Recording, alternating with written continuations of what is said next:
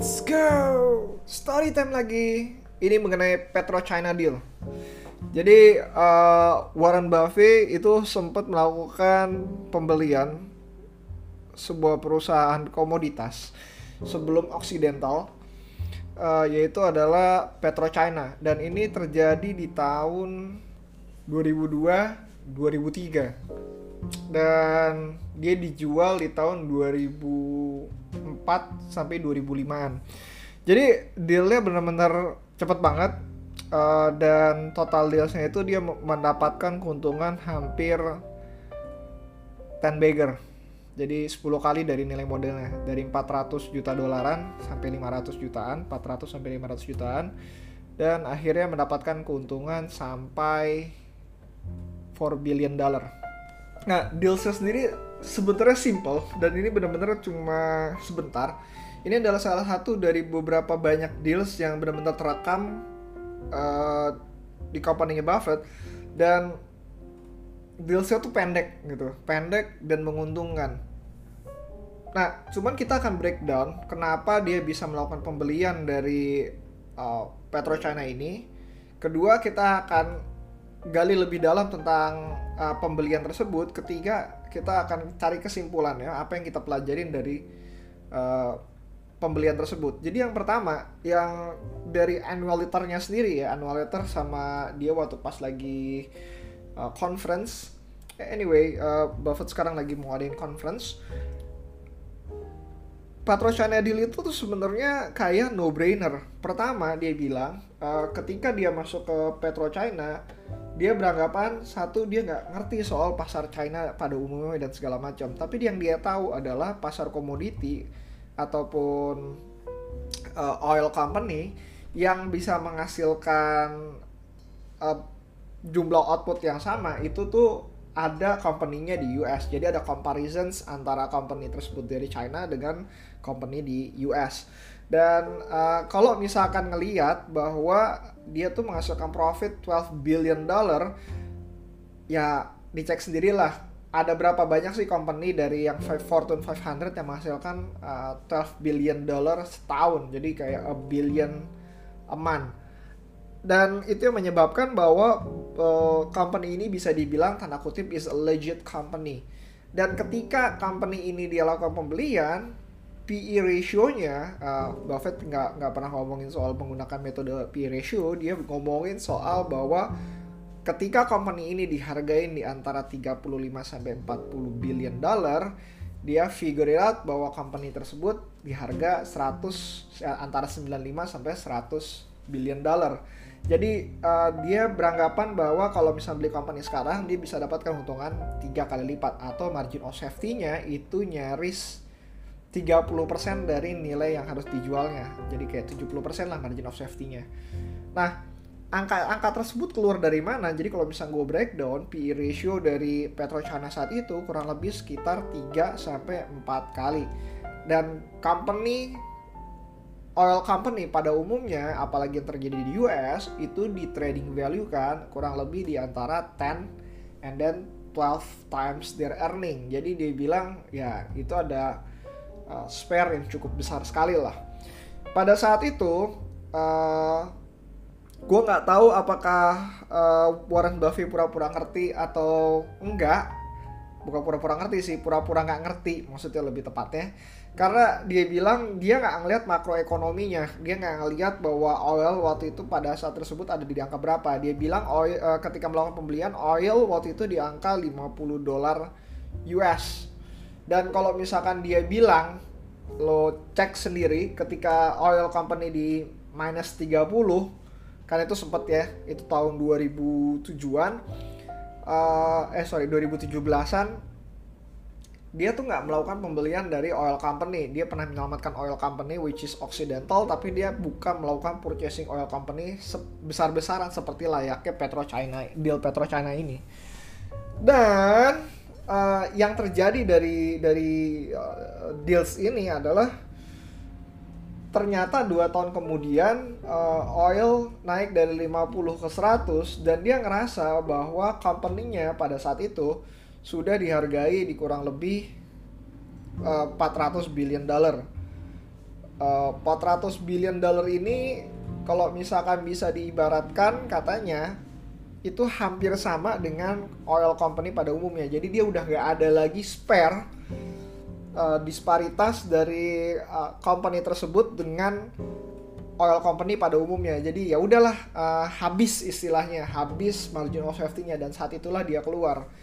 Apakah Buffett melakukan sebuah kesalahan dengan keluar dari oil company tersebut? Dia bilang sih nggak ada, nggak ada kesalahan, tapi itu adalah judgement yang dia keluar uh, dia dia gunakan. Ya udah untuk 10 kali lipat juga gitu ya. Dan saat itu terjadi yang namanya gue lupa juga antara krisis atau apa pun uh, yang menyebabkan oil company terus uh, rally juga dan uh, PetroChina akhirnya masih bisa rally cukup signifikan uh, bahkan ketika Buffett sudah keluar. Ini mirip-mirip kayak dealnya Loke Hong ketika dia keluar dari Petrosi, Petrosi ini masih tetap malah jadi rally. Nah, uh, tapi ya udah udah keuntung dapat 10 kali lipat dengan metode yang tanda kutip cenderung lebih simpel dibanding pada umumnya. Dan dia nggak ngeliatin tentang makroekonomi. Dan dia bilang katanya I don't have any age about uh, oil company. Jadi yang dilatin beneran cuma gara-gara company tersebut. Pertama company-nya uh, low debt gampang di gampang dibaca dalam artian laporan keuangannya dalam bahasa Inggris dia juga bisa baca dengan uh, baik. Dan dia bilang margin of safety selain menggunakan yang tadi uh, ada pembagian dividen sebesar 40% singkat gue 35 atau 40% yang mengakibatkan ketika Buffett melakukan investasi di perusahaan company ini dia bisa mendapatkan yield kurang lebih sekitar 15% dari nilai investasinya dan tentu saja kalau misalkan ngelihat dari sepanjang sejarahnya dari PetroChina ini artinya keuntungan capital gain sebesar 10 kali itu belum termasuk dari dividen yang telah dia dapatkan selama 3 sampai 4 tahun dia berinvestasi. Nah, apa sih yang bisa dipelajarin? Pertama eh, satu company, gue suka beberapa company yang bener-bener laporan keuangannya tuh straight to the point, no wishy-washy lah. Jadi kayak uh, gampang dibaca, mudah dipahami dan tahu apa yang dia kerjakan dari company tersebut. Itu gue gue seneng banget. Kedua adalah low valuations. Low valuation ini mengenai comparable juga mengenai tentang bahwa company ini kalau misalnya terjadi apa-apa, bagaimana exit pointnya dan segala macam. Ketiga, menurut gue dividen juga penting dengan adanya dividen lu punya waktu tunggu yang lebih baik. Jadi ya ada uang masuk. Kalau misalnya ada uang masuk ya udah lu bisa nunggu jauh lebih lama di perusahaan tersebut. Nah uh, keempat valuasi itu nggak harus serta merta uh, apa ya rumit. Selama lo bisa paham dengan apa yang lo kerjakan dan lo bisa bertahan dengan tesis lo dalam kondisi apa pun ya udah go for it do it lah gitu. Yang kelima ini yang jadi problem. Dan gue belum sempat cerita tadi di depan bahwa bahwa Buffett sendiri masuk ke Patrocana itu bukan satu hal deals yang benar-benar signifikan di company-nya dia. Benar-benar signifikan besar ya. Uh, besar karena dia masuk ke dalam 10 besar kategori 10 besar company yang ada di uh, Berkshire atau pada waktu itu tapi bisa dianggap cenderung lebih kecil dibanding dengan deals yang lain. Kalau misalkan lu cek bahwa company yang terbesar yang menduduki portofolio dari Warren Buffett sekarang mungkin 60% ada di Apple.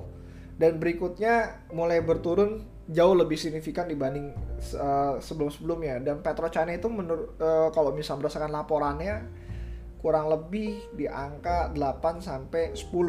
Nah, artinya untuk deals yang benar-benar untuk perusahaan yang cyclical sendiri, even Buffett belum, gue kayaknya belum pernah ngeliat ya dia melakukan uh, hampir semua uh, uh, transaksinya secara signifikan, signifikan di sini dalam artian di atas 40% dari portfolionya ke dalam perusahaan yang benar-benar cyclical.